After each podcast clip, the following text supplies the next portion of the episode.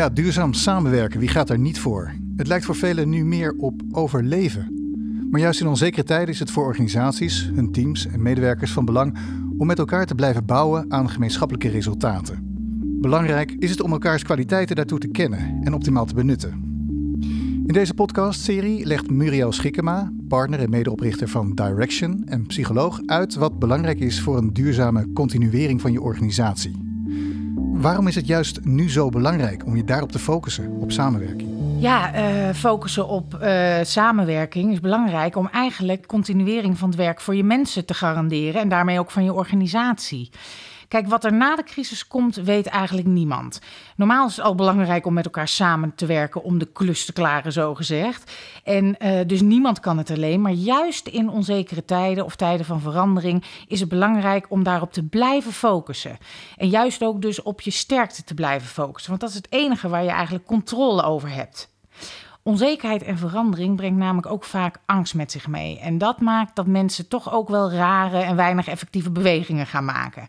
En daarmee komt dus die gemeenschappelijke klus weer in gevaar. En hoe kun je dat voorkomen? Het belangrijkste is eigenlijk om op die samenwerking te blijven focussen, om daar dus een gezamenlijke visie in te hebben. Want zonder visie en focus waaraan te werken, ben je eigenlijk stuurloos. En zonder de commitment van de mensen die hier samen aan werken, red je dus eigenlijk helemaal niet. Je zegt dus eigenlijk dat het belangrijk is om een eh, visie te ontwikkelen, maar hoe doe je dat? En als je niet weet waar je naartoe gaat, wat is dan de mogelijkheid om te focussen? Ja, ja dat is lastig en zeker als het zo onzeker is, uiteraard.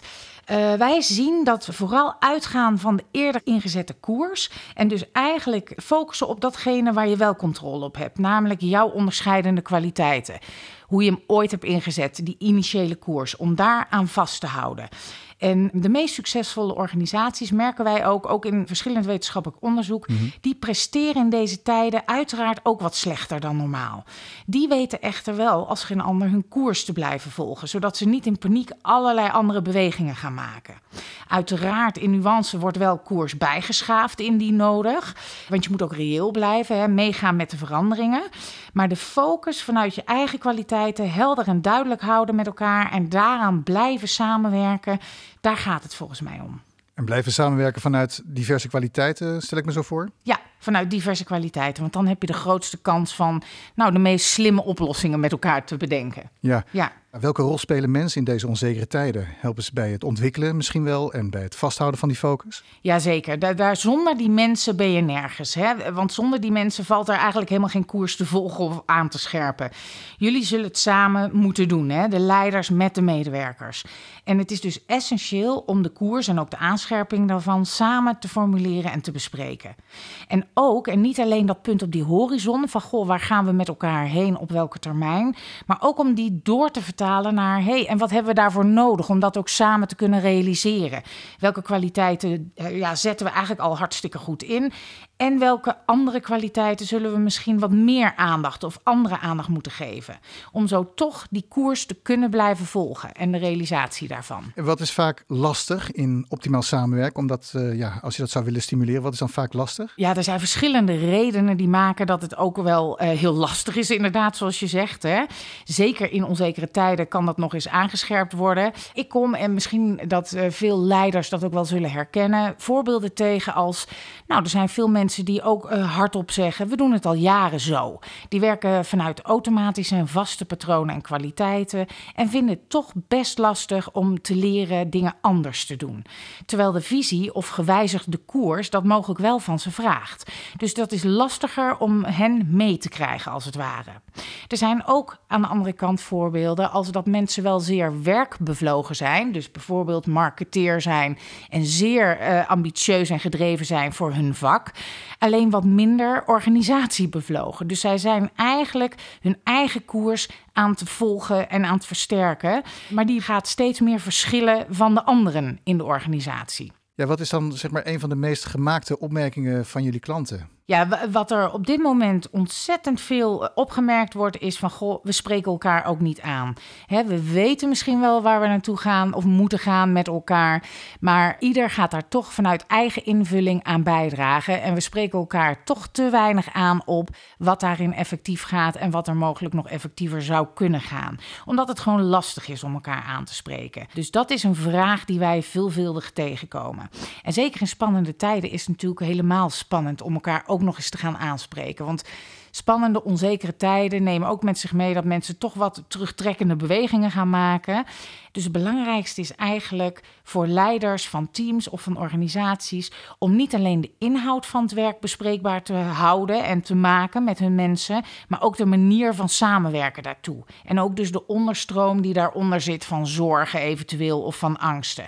Dus dat allemaal bespreekbaar blijven maken met elkaar. Want anders gaan mensen dus eigenlijk minder effectieve bewegingen maken. En dan roepen ze misschien wel ja, we gaan bijdragen, maar dan doen ze vervolgens nee. Oké, dus het is vooral belangrijk om niet alleen op de inhoud van het werkje te focussen, maar ook op de manier van samenwerken. En deze samenwerking ook bespreekbaar te maken met elkaar. Juist, daar gaat het zeer om volgens mij. En het allereerste is dan belangrijk, hè, als je dat soort patronen of gewoontes zoals we met elkaar omgaan, als je dat bespreekbaar wil leren maken, is om eigenlijk allereerst met elkaar bespreekbaar te maken van waar willen we heen met elkaar en hoe gaan wij daartoe samenwerken.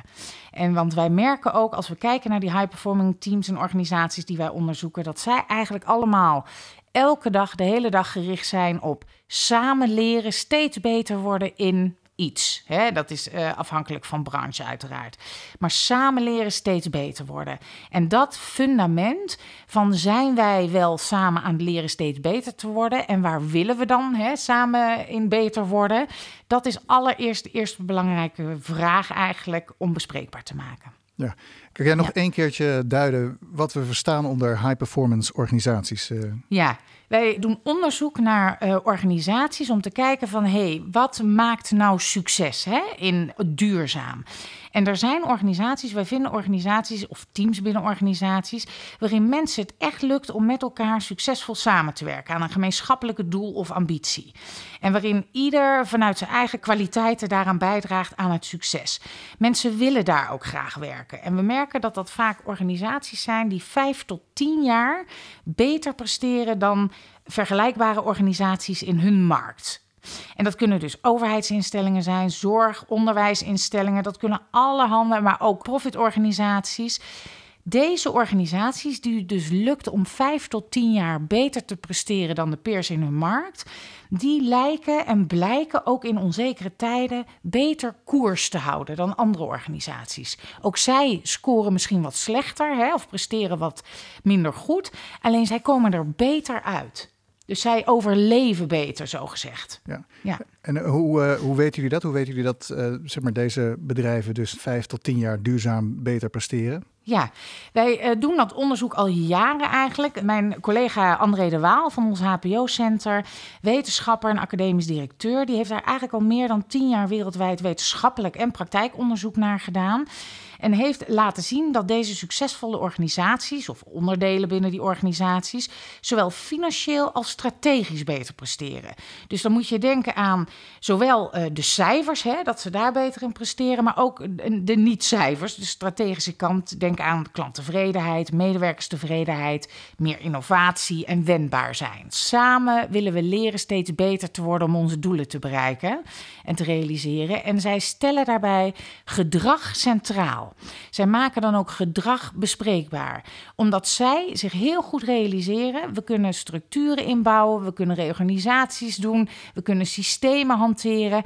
Alleen dat gaat ons geen meer succes brengen als we niet het gedrag daarop aanpassen als hè, de systemen, structuren, reorganisaties zijn ondersteunend aan gewenst gedrag, niet andersom.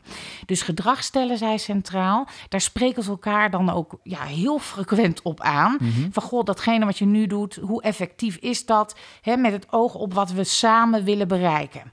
Die uitwisseling zoeken zij veelvuldig.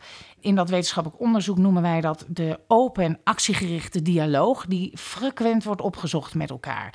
Om eigenlijk dus samen te kunnen leren door die frequente uitwisseling wat wel werkt en wat minder goed werkt. Ja. Bij wijze van spreken. Ja. En samen willen leren steeds beter te worden. Ja, als je dat als ambitie hebt, hè, ehm, waar begin je dan als leidinggevende? Want dat zal iedere leidinggevende aanspreken. Ja, kan ik me ook voorstellen. Ja. Nou, ik denk allereerst hè, om eens naar je eigen rol te kijken. Van hoe ondersteun jij je team hè, daarin? Welk voorbeeld stel jij vanuit jouw rol? Is het wel zo dat jij dat samen leren, beter worden in datgene wat je wil bereiken? Stel je dat ook werkelijk centraal, elke keer weer? Ook als het spannend wordt. Daar zit echt de crux. Welk voorbeeld stel jij daarin? Want leidinggevenden en dus de kwaliteit van het management vormen ook echt het fundament van succesvolle teams en organisaties. Uiteraard hebben ze dat samen met hun mensen te doen, maar zij vormen wel daarin het grootste voorbeeld. En jij als leidinggevende bent ook besmettelijk hè, met je voorbeeldgedrag. Dat klinkt een beetje, een beetje cru in deze tijd. Ja, klinkt heel cru. Alleen je kan ook daarmee uh, op een positieve manier besmettelijk zijn voor je mensen. Namelijk een baken vormen. Hè? Mhm. Van door wel koers te houden bijvoorbeeld. Door wel elkaar blijven opzoeken. Dus allereerst, waar begin je als leidinggevende? Nou, ik denk om dat fundament hè, binnen je organisatie of team. Namelijk, wij zijn samen aan het leren om X te bereiken, om dat ook te blijven centraal te stellen met elkaar. En daar met elkaar naar blijven te kijken, ook in onzekere tijden. Dus daar ook constant contact over te zoeken met je mensen. En ook daarbij open te staan, niet alleen voor die feed-forward beweging, hè, mhm. om maar door te gaan en koers te houden, maar ook open te staan voor het sentiment wat er ook is, namelijk misschien zorgen, angsten, eventuele drempels of obstakels die mensen zien, want het is er allebei. Ja, als je het hebt over, over een team, hè, want je werkt natuurlijk samen als uh, team als het goed is. Ehm, maar welke signalen, waar moet je op letten om teamprestaties te herkennen? Nou, de gewoontes, namelijk hoe wij het met elkaar doen elke dag, daar kun je bewuster naar gaan kijken. Van goh, vanuit welke gewoontes werken wij nou eigenlijk met elkaar samen? En dan de vraag uiteraard en de reflectie van goh, en hoe effectief zijn die gewoontes nog? Hè, met het oog op weer die doelen die we willen bereiken. En als tweede, en dat is ook een hele belangrijke, welke signalen signalen kan ik eigenlijk zien in mijn team? Zie ik mensen bijvoorbeeld ja roepen of nee doen? Hè, vervolgens zie ik mensen wel hele mooie afspraken met elkaar maken, maar vervolgens er niet op terugkomen bij elkaar? Zie ik mensen die misschien wel visie hebben of het idee hebben waar ze heen moeten, maar vervolgens eigenlijk geen actie ondernemen om er ook echt hè, kracht achter te zetten? Dus welke signalen krijg je die eigenlijk bespreekbaar gemaakt moeten worden? Want wij merken in ons onderzoek, maar ook in mijn praktijk van meer dan 20 jaar, dat uh, het gedurende het samen leren steeds beter worden, drie aandachtspunten steeds centraal moeten worden gesteld. Ja. En die drie aandachtspunten gaat eigenlijk kort gezegd over visie met elkaar hebben of formuleren, of dat steeds helderder krijgen. Vervolgens commitment bespreekbaar maken daartoe. Namelijk, wil ik dat echt wel? Geloof ik er echt wel in om daar te willen komen? En wil ik dat ook samen met jou, hè, als mijn collega?